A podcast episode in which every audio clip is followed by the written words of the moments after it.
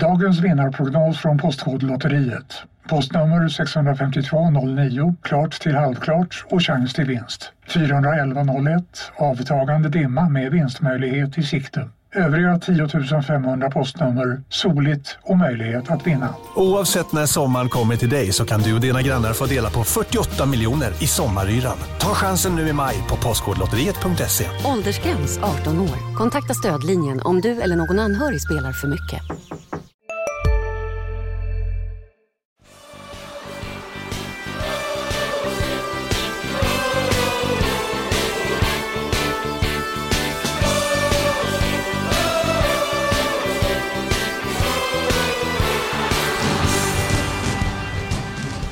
Alexander Tekac och Linus R. Olsson, det var spelarna som fullbordade en vändning hemma mot Falkenberg i, ja inte det absoluta slutet, men ändå i den senare delen av matchen. 2-1 till Boys mot Falkenberg och då tog man sig upp till andra plats i tabellen. Sen blev man, man nerputtad till tredje eftersom Norrby vann mot Helsingborgs IF på onsdagskvällen. Välkomna till Landskrona Boys-podden med Marianne Svab, Sebastian Rönnström och Mattias Hjelm. Vi ska ju bland annat försöka svara på frågan vad är det som gör att Landskrona Boys är med i toppen av superettan efter sex omgångar? Det är väl en kittlande fråga, eller vad säger ni? Tycker jag. Jag tror att det finns en klubb som gärna hade sett att eh, ett derby hade spelats redan nu. Medan de, den andra klubben eh, lite längre norrut kanske tycker att det är rätt skönt att det första derbyt är förlagt till, jag tror det är augusti va? Om jag inte missminner mig. Uh, ja, men det är ju klart, det är ju... Uh, på många sätt har ju Boys överträffat sig själva och det är vad som krävs av en nykomling. Över 30 omgångar. Det sägs att eh, man ska ha väl någonstans eh, strax, ja, är man runt 35 poäng så är man ju säker på nytt kontrakt. Och då kan man väl säga att Boys har väl hovat in en tredjedel eller lite, ja, drygt redan. Efter sju omgångar. Så man är helt klart på plus på många sätt, både spelmässigt och poängmässigt och allt. Ja. Och det är ju så bra nere i Landskrona. Ja, det är ju så att Boys har ju bara spelat sex matcher faktiskt. Det är ju Norby och. HIF som har spelat sju och det där var ju en match som tidigare lades eftersom en viss Andreas Granqvist kom med i landslaget. Så därför så har de redan spelat sju matcher HIF. Men, men tabelltoppen Sebastian, IFK Värnamo etta på 13 poäng. Tvåa nu då Norrby som tippades som jumbo av media på superettan upptakten 13 poäng också, en match mer spelad och så Boys trea på 12 poäng och så på fjärde plats GIF Sundsvall som ser ut att ha börjat trumma igång på 11 poäng. Den här tabelltoppen såg man inte riktigt komma. Nej, det gjorde man ju verkligen inte. Och, eh, vi var inne på det redan förra veckan där eh, med Värnamo och Boys att de har imponerat som nykomlingar i, i superettan och de fortsätter ju att gå starkt här. Boys eh, går ju från, från klarhet till klarhet kan man säga. De har börjat få igång även sitt anfallsspel här nu. Eh, börjar skapa, ja de har ju i och för sig, alltså de har haft lite problem tidigare med att, att skapa målchanser men varit väldigt effektiva nu. Nu eh, förutom de här två målen som de gjorde så hade de ju tre stekheta målchanser som det mycket väl kunde blivit mål på också. Och att, att de hänger på i toppen är ju ja, det, är, det är mindre förvånande än att Värnamo och Norrby gör det skulle jag säga. För jag tippar ju trots allt Boys högre upp och ser dem som ett starkare lag.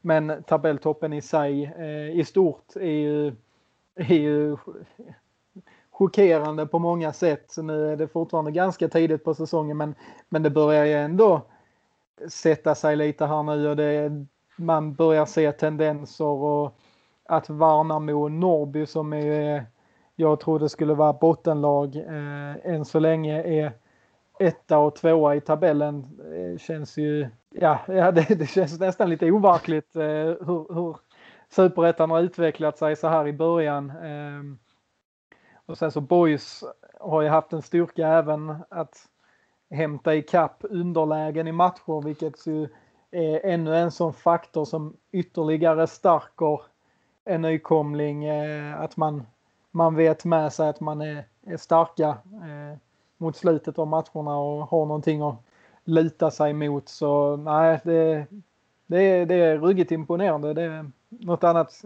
tycker jag inte man kan säga. Det är också så att Boys är fortsatt ett av två lag tillsammans med Trelleborg som inte har förlorat i serien. Marian, vad skulle du vilja lyfta fram som, som har varit Boys styrka så här långt?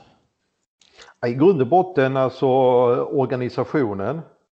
Eh, och där alla spelarna eh, eh, håller sig slaviskt till sin arbetsbeskrivning. Det är ingen som kör det här ett hittepåspel som gör att eh, hela organisationen riskerar att falla. Alltså. Och, den, och plus att man, eh, eftersom man har värvat kanske rätt mycket från lägre divisioner som inte har spelat på den här nivån också. Hade du värvat in lite grann färdiga spelare utifrån, nu har man gjorde man det med Erik Persson, men han ser jag inte som någon glidare. Det är just att komma till att de, de, de har inte någon sån här ansvarslös nummer 10 typ som bara glider runt på planen. För det, det, alla inser att de har inte råd med det. Så det skulle jag tro är lyfta fram. Och sen så är det så här att det, i gruppen, i och med att spelarna är ungefär, har varit tillsammans nu här två, tre säsonger, så vet de också hur de fungerar, var och en fungerar, vilket gör att man eh, kan kommunicera lättare. Och dessutom så är de väldigt bra på att göra varandra bättre. Eh, skulle jag säga. Eh, för man ser då liksom att eh, om man tittar på de här statistikverktygen som vi har, Y-scout, det är inte så att eh, Boys dominerar en massa olika sådana här statistik, eh, statistiker. Eh, men däremot så är man bra på lite allt möjligt om jag säger så. Man har inte kanske den där direkta spetsen någon, i någonting eller en sak och det ska vi återkomma till sen. Men eh, däremot så är man bra på, väl, eh, på många olika saker.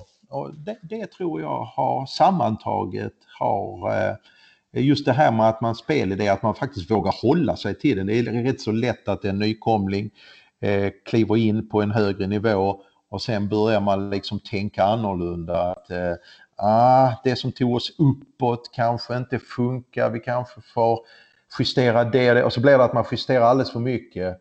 Eh, men det, Boys har ju justerat dem också efter, man får ju ändå anpassa sig till svårighetsgraden när den ökar. Men jag tycker ändå i stora drag, det Boys som jag har sett sen Billy Magnusson kom in, det består fortfarande. Och det tror jag är en styrka. Det som vi så populärt kallar kontinuitet. Är det någonting där du vill komplettera med Sebastian? Erik Persson, profilvärvningen har ju, ja, han är ju skadad så han har inte kunnat vara med och ändå så klarar Boys av att hantera det här. Det är ju väldigt starkt. Jag, jag, jag håller med i, i allt det Marian säger just med strukturen, att man, man har tydliga roller. Spelarna är väl införstådda med vad som förväntas av dem och det, man, kan, man kan plocka ut en spelare och sätta in en annan och det funkar lika bra för att det, eh, det är systemet och, eh, och inte spelarna i sig, alltså eh, den individuella spelaren som, som gör insatserna. Sen så tycker jag också en sak som man, man har börjat märka nu i de matcherna när även spelet och offensiven har börjat bli bättre i boys är ju att vissa spelare har steppat upp. Eh, om vi tar då, eh, för att knyta an till, eh, till det där med Erik Persson så har ju Linus R. Olsson eh, klivit fram nu och faktiskt blivit en målskytt, eller det var han ju förra året också, men vi satte ju inför säsongen lite frågetecken kring, kring nummer 9 positionen i Boys utifall att Erik Persson inte skulle kunna spela. Och den rollen har ju eh, Linus R. Olsson eh, iklätt eh, bra hittills nu. Eh, tre mål har han gjort. Det är bara sex spelare i Superettan, inklusive eh, Linus R. Olsson då, som har gjort så många. Två spelare har gjort fyra. Så, så han, han bidrar ju med det han ska göra eh, i form av mål och sen även en väldigt hård arbetsinsats i varje match. En annan spelare som, som också har tagit steg eh, under säsongens gång här och som väl gjorde eh, sin bästa insats nu senast var ju Filip Olsson på mittfältet som vi har varit lite, lite så kritiska mot eh, tidigare här i podden för att han inte har kommit upp i den nivån som, som man kanske krävde av honom eh, tidigare i inledningen. Men eh, nu så ligger han eh, bakom båda målen i den här matchen mot Falkenberg och eh, han har gjort tre assister nu i superettan och det är bara Johan Blomberg i Trelleborg som har gjort fler. Wilhelm Löper i HIF har gjort lika många. Och jag tycker det är en intressant, han, det känns som att han har hittat lite sin roll och sin yta att kunna operera på och ta sig till farliga lägen och, och ligga bakom i, i Borgs anfallsspel ute på vänsterkanten. Eh, så målet eh, mot eh, AFC Eskilstuna till exempel var det väl som, som också kom från den kanten. Eller nu är jag nog på fel match men i alla fall. Eh, och sen så när nu i den här matchen så kommer båda målen till efter att Filip Olsson har gått på genombrott ute till vänster. Eh, så, så att man har fått utväxling på de här spelarna lyfter ju laget ytterligare en nivå så att säga. Då, då har man helt plötsligt kanske lite spets att komma med också. Eh, som, som inte riktigt var fallet i början även om resultaten gick eh, med boys. Jag vill ju tillägga det såklart att det finns ju såklart en inbyggd individuell skicklighet i laget. Det gör det ju i alla lag ju. Det är bara det att systemet är ju fortfarande den stora stjärnan och alla köper det ju. Hela, alla spelarna i truppen köper att systemet, organisationen är den stora stjärnan om jag säger så. Och därifrån då, ta till båda målen här mot Falkenberg, det är ju resultat av individuell skicklighet. Eh, jag menar eh, eh, till eh, första målet är det Linus Olsson som liksom på en touch, eller Filip Olsson så inblandade, så kommer Alexander catch. Och så, om det nu uttalas så efternamnet, du skulle ta reda på det igen. Tekac, ja precis. Tekac. Ja, inte, precis. Inte men, och, det är ju, och du har ju liksom också det, det, det, det med segermålet också eh, liksom en stor del individuell skicklighet som är inblandad och där. Men så länge system, man vet att systemet är eh, A och O när det sitter och man vill först testa i de första matcherna att ja, men det ger resultat. Nu kan man börja liksom utnyttja och ta sig lite större friheter inom den ramen för spelarna.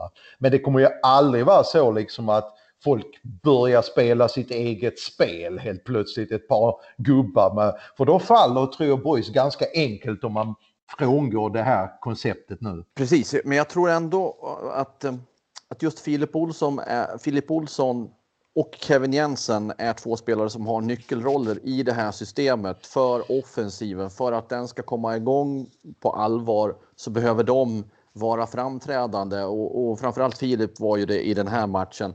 Och jag vill, jag vill också plussa för Viktor Wilstrand som drar igång det hela anfallet till kvitteringen till 1-1. Det är ju en jättefin boll, lång boll från honom upp till vänster till Filip Olsson som sen slår in den till Linus R. Olsson. Och det Linus R. Olsson gör i straffområdet är att han faktiskt är omringad av tre Falkenbergsspelare och ändå lägger fram den till Tekac. Tekac som jag då eh, lyfter upp som, som eh, ska man säga den stora stjärnan så här långt i boys. Jag tycker han har varit fantastiskt bra och han, han var ju nära att nicka in en mål också. Han är ju inte lång och han är inte van vid att nicka och ändå är han nära att göra det. Eh, vid, vid 2-1 målet så slår ju Filip Olsson sin gubbe innan han spelar in den och så stöter Viktor Noring, före boysmålvakten nu i Falkenberg, ut bollen rakt till Linus R. Olsson. Och en målskytt ska ju stå där han står. Det är det som kännetecknar en, en målskytt. Sen är det ju så att Linus R. Olsson, han är ju, han är ju inte den snabbaste spelaren långt ifrån, men han sliter och så står han på rätt ställe. Och det är det som behövs i boys, det, i hans Det som är spännande lite grann här nu att man har fått en så pass bra start tycker fortfarande inte så att boys i en match har... Alltså att alla, att en majoritet av spelarna har fått till den perfekta matchen, om ni förstår vad jag menar. Eh, och att med andra ord, det finns ju mer att plocka ut av. Det har ju varit vissa matcher har någon klivit fram, någon annan sånt, men när, när, när, den dagen när de får stäm eh, samtidigt allihopa, alltså, ja men då tror jag faktiskt till och med boys har förmågan att klamra sig kvar på övre halvan och kanske till och med i toppen. Eh, jag tycker, även om de har tagit det, och, och det är ju positivt menat då ju, är att jag tycker fortfarande inte jag har sett, jag har sett en bra halvlek här, till exempel andra halvlek när jag såg så mot Eskilstuna och så. Men jag väntar fortfarande på den där perfekta insatsen, både som kollektivt och som... Eh, för, för den dagen kommer ju Boys lyfta till nästa nivå. Det låter precis som jag är neggig nu, men det jag menar det är ur ett positivt perspektiv. Jag skulle också vilja nämna i den här matchen mot Falkenberg att jag tycker att Billy Magnusson fattar kloka beslut vad gäller byten. Han ser att det funkar inte riktigt. Hampus Färm har gjort en hel del bra framåt, men inte varit så stabil bakåt. Han tar, tar ut Hampus Färm, han sätter in Jonathan Asp. Jonathan Asp är ju i princip klockren i det han gör när han eh, kommer in på mm, högerbackspositionen. Han gör fler byten, han gör förändringar eh, i, i, tid för att det ska kunna hända någonting och det visar sig ju att det, det bar frukt den här gången. Det är inte alltid det gör det. Så att just den här gången gjorde det och därför så, så plussar jag Billy Magnusson för hans matchcoachning här. Ehm, sen, sen har jag en annan spaning, för det finns en spelare som inte riktigt kommer in i spelet i Boys fortfarande och det är Oskar Petersson. Jag satt och tänkte på det under hela matchen. Vad är det som gör att han inte syns så mycket i matcherna? Han kommer liksom bort. Och jag kom fram till att på en högst amatörmässig nivå såklart, utifrån mina, mina mycket begränsade ögon, så tycker jag mig kunna se en problematik faktiskt i, i Boys sätt att spela för vissa spelare, däribland Oskar Petersson. För att eh, Boys anfaller väldigt offensivt på, med sina ytterbackar och framförallt högerbacken.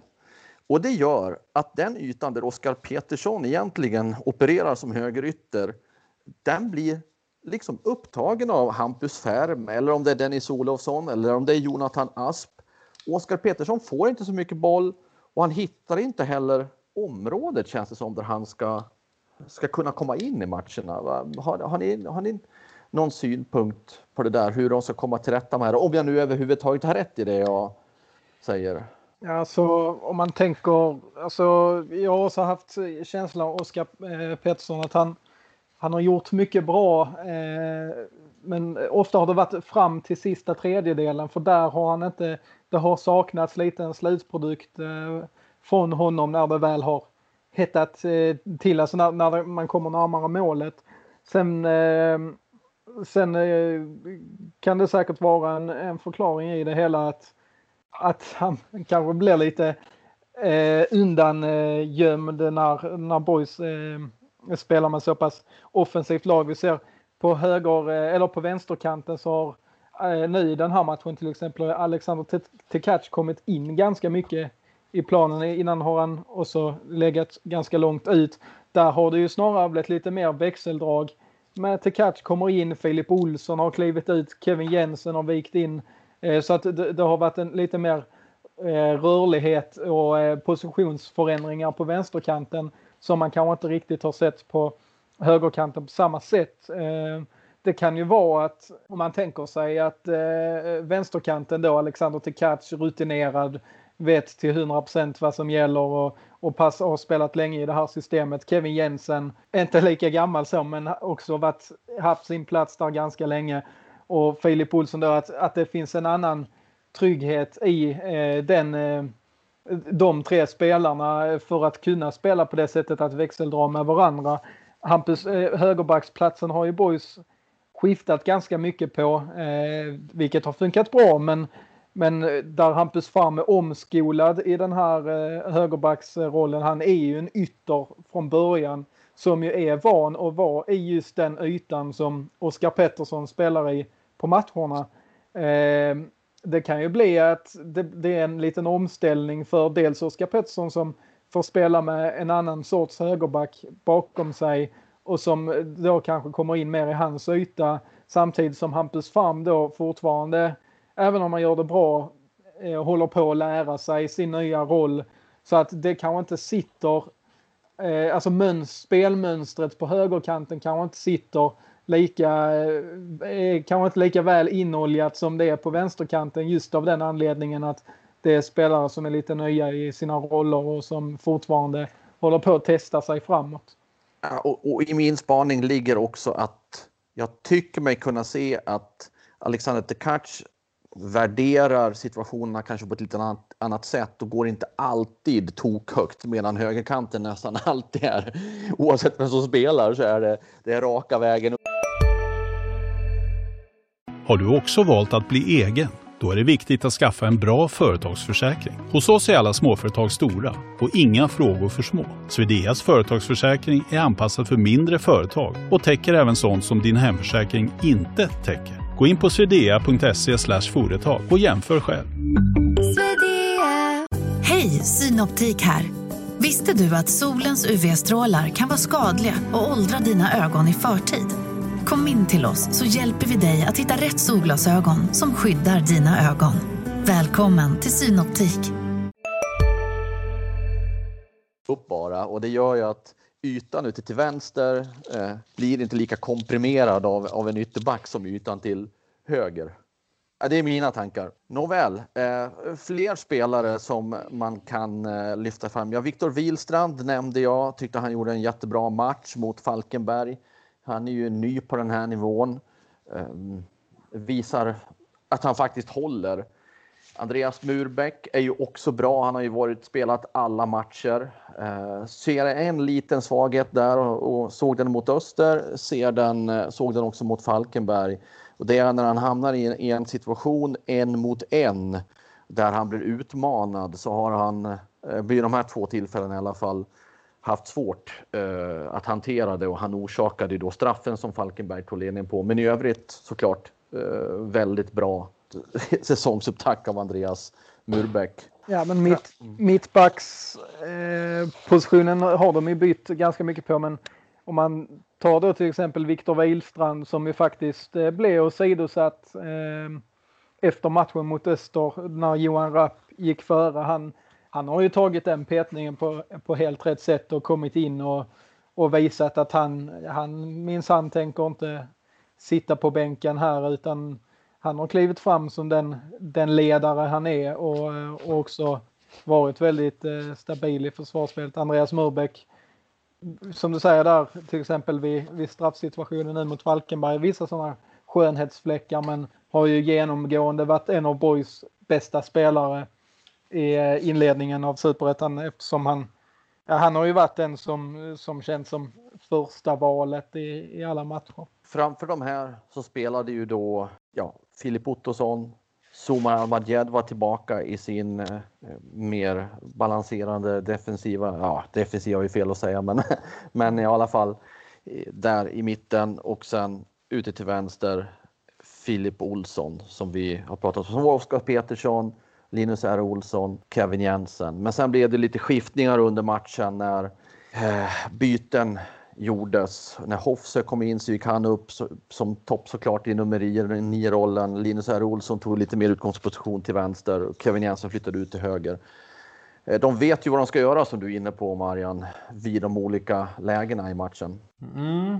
Eh, och, och, och, och, som ni säger, eh, var väl Sebbe eller du som var också inne på att de eh, som eh, kommer in med, vet också exakt vad de ska göra. Eh, I den positionen där de hamnar.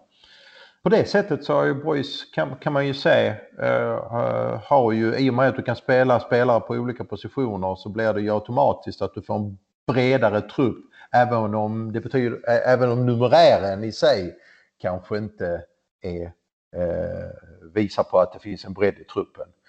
Uh, men i och med att du har spelare som klarar av att spela på olika positioner så blir det ju Eh, mindre sårbart också. Mm. Och där tror jag är också Boys kan, det, det är över 30 omgångar är det ju superviktigt. Kanske mer än någon annan för en nykomling. Har vi, har vi fler spaningar, fler tankar kring, kring vad som helst egentligen? Ja, men eh, jag kikade i det här, eh, som sagt vårt statistikverktyg. Om vi blickar lite framåt här mot matchen mot Jönköping. Ja. Och där är det så faktiskt, visar det i alla fall en statistik så är Boys eh, väldigt framträdande i en statistikgrupp och där är det Jönköping och Landskrona är de som har mest bollinnehav i serien hittills. Eh, där Jönköping ligger etta och Boys tvåa, senast jag tittade i alla fall. Eh, och då kan man ju ta upp det här gamla frågan, jaha, ja, vad spelar det för roll om du har 80 bollinnehav och du inte vet vad du ska göra med den?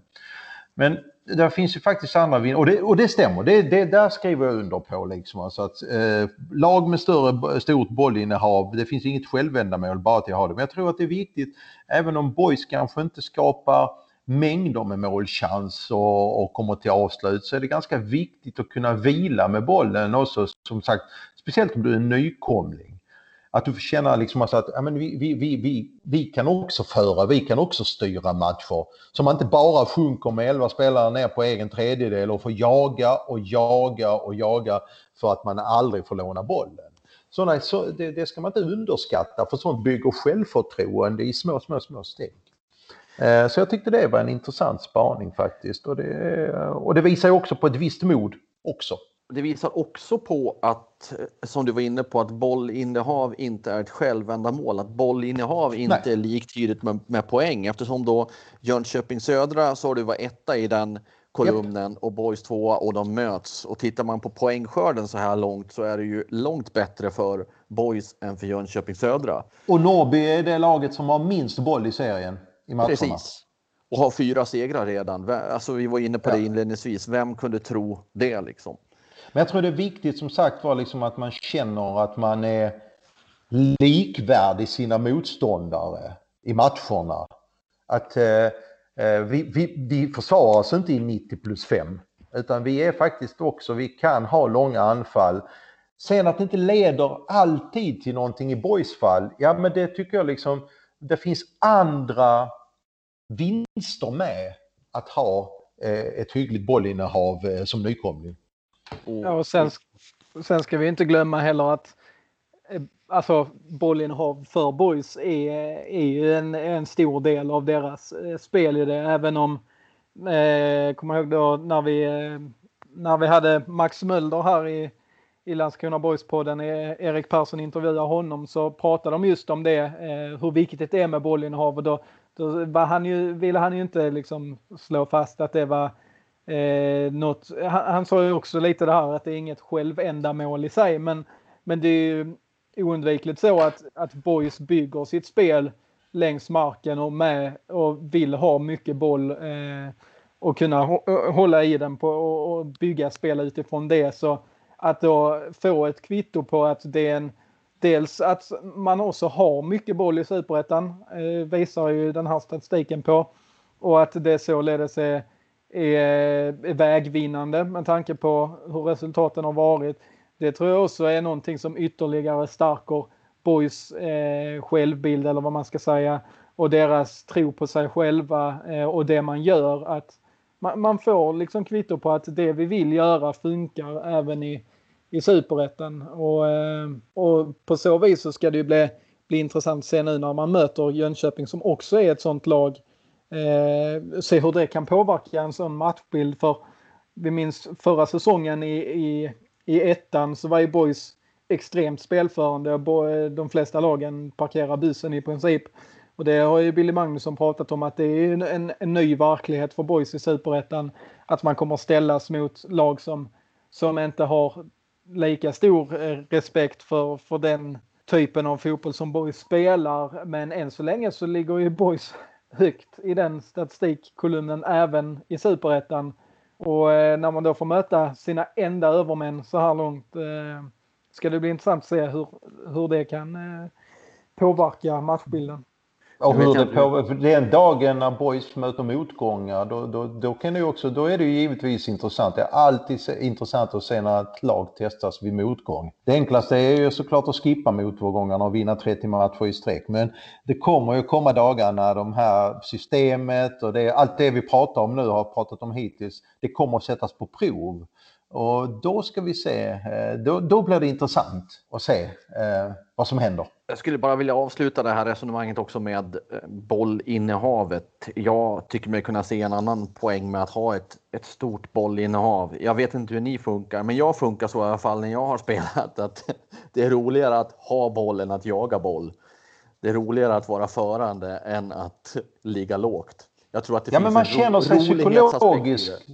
Jag är med där Mattias, för man känner sig psykologiskt rätt så stor. Även om man kan känna sig bekväm av att inte ha boll så mycket i matcherna, absolut.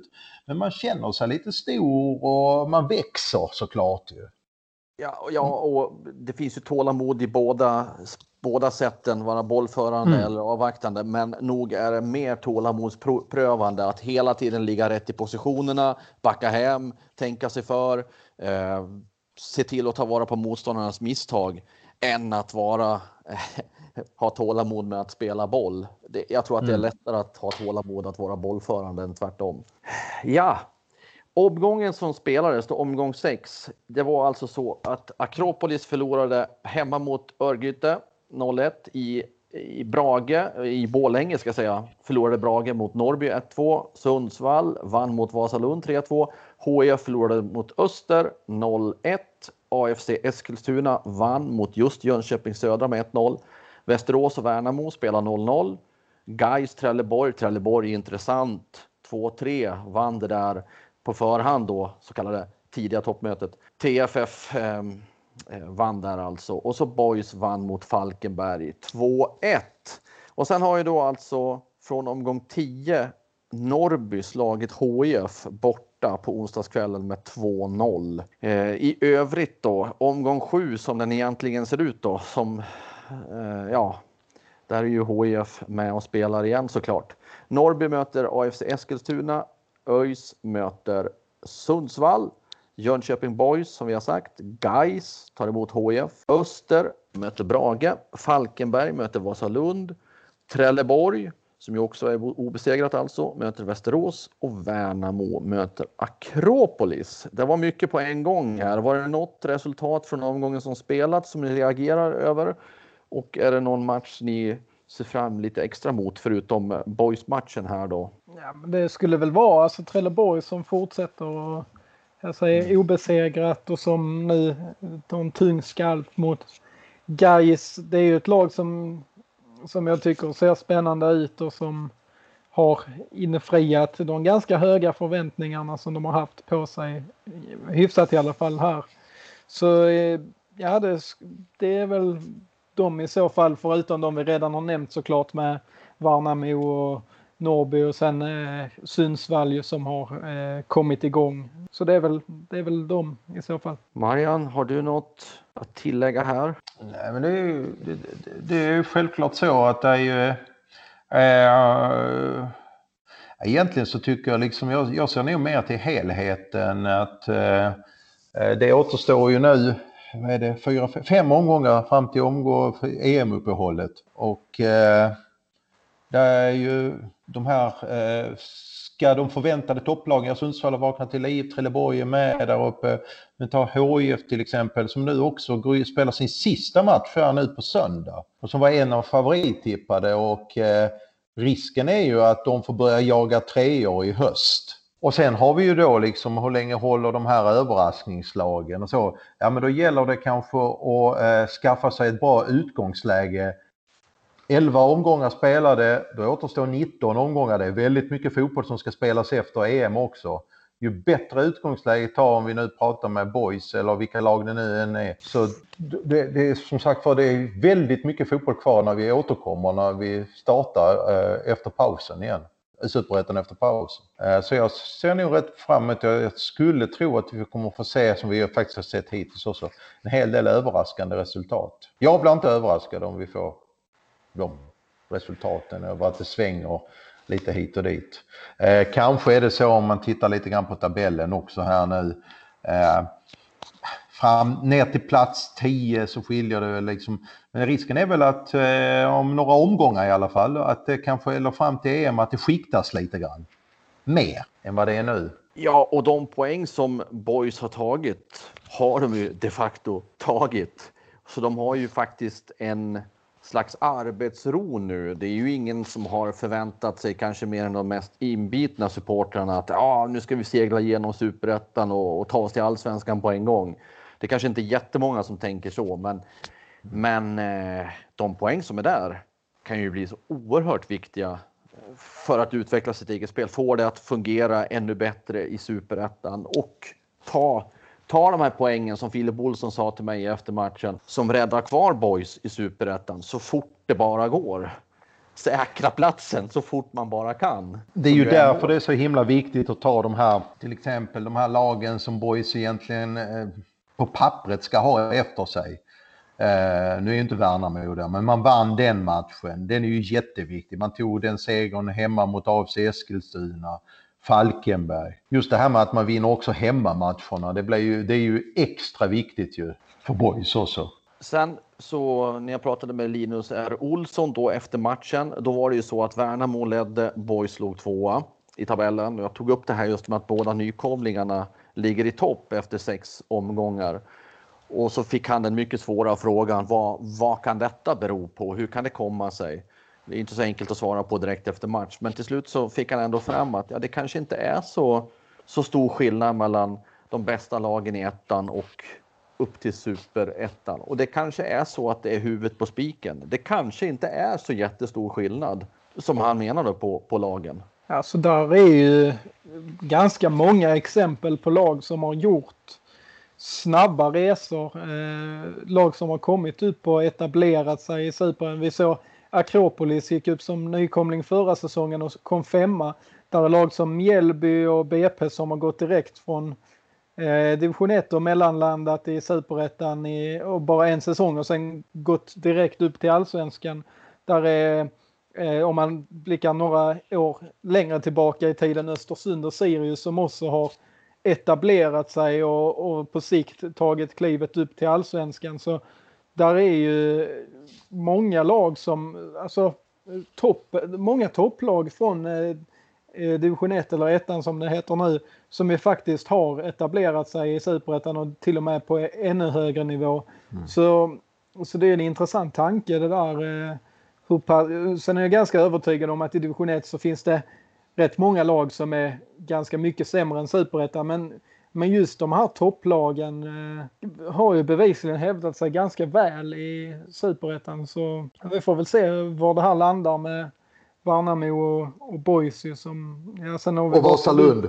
Vasalund också nykomling ju. Eh, så det, det, ska bli intressant att se hur, om de eh, lyckas eh, hänga i hela vägen. Nu säger jag inte att att man ska börja eh, titta mot eh, allsvenskan här efter sex omgångar. Men, eh, men just att se eh, hur pass väl de står sig över en hel säsong, det, det tycker jag är väldigt spännande. Det som, är, det som är intressant är då också lagen som kommer uppifrån och trillar ur. Där kan också hissen gå rätt så snabbt ner. Uh, och vi har ju exempel här nu på både HIF och Falkenberg. Uh, där de kommer med negativ trend. Uh, och jag säger inte att det är så. Men eh, det, det, det är rätt svårt att slå om om man har många spelare kvar som var med och åkte ur. Att slå om i tänket. Eh, och mm, liksom, man kommer med ett stukat självförtroende. Eh, och så har du då lag som är ganska pigga. Som, som kommer nerifrån och som har vind i ryggen. Eh, så därför är superettan är ju jättesvårt. det, det, de lagen som har störst insikt om vad superettan egentligen innebär att spela i superettan. Eh, de har också möjligheten liksom att eh, skapa och åstadkomma någonting bra över så att säga 30 omgångar. Jag då ser fram emot i, i nästa omgång som inflyttad skåning, precis som du där och Sebbe, Trelleborg, Västerås. Eh, Trelleborg intressant att se om de kan fortsätta vara obesegrat. Västerås därför att jag själv är västmanlänning tycker, jag ska inte säga att jag följer dem slaviskt eller så, har bra koll på dem, men för mig är det lite kul om, om ett västmanländskt lag håller sig med, väl med i, i superettan. Eh, och sen är det ju såklart då Guys Helsingborg. Eh, vi har ju en annan podd, HIF-podden, där vi pratar om, om HIF, men det går ju inte att eh, förneka än, än att säga att det är intressant att se hur HIF tacklar eh, den här tuffa starten som de ändå har och nu alltså ska möta Guys borta så ehm, ja, den matchen eh, kittlar ju lite extra i omgången förutom södra boys då. För min del. Ja, tabellen har vi dragit i stort sett. Brage är fortsatt jumbo, Vasalund näst jumbo, Akropolis eh, trea från slutet, Örgryte fyra från slutet och Jönköping femma från slutet. Det skiljer alltså Jönköping Södra har fem poäng Och sen ner då till 15 platsen Vasalund så är det en poäng, fyra poäng. Så Jönköping Södra har ju startat kackigt också rent poängmässigt. Det var väl allt vi hade på agendan den här eftermiddagen. Ni nickar instämmande. Ja. Då, ja, Vi får ju Jag spara lite grann, eh, lite krut till nästa vecka. ja, precis. Och då, då tycker jag att vi helt enkelt rundar av här och så tackar vi er som har lyssnat för visat intresse och eh, önskar er välkomna tillbaka om en vecka. Hej så länge!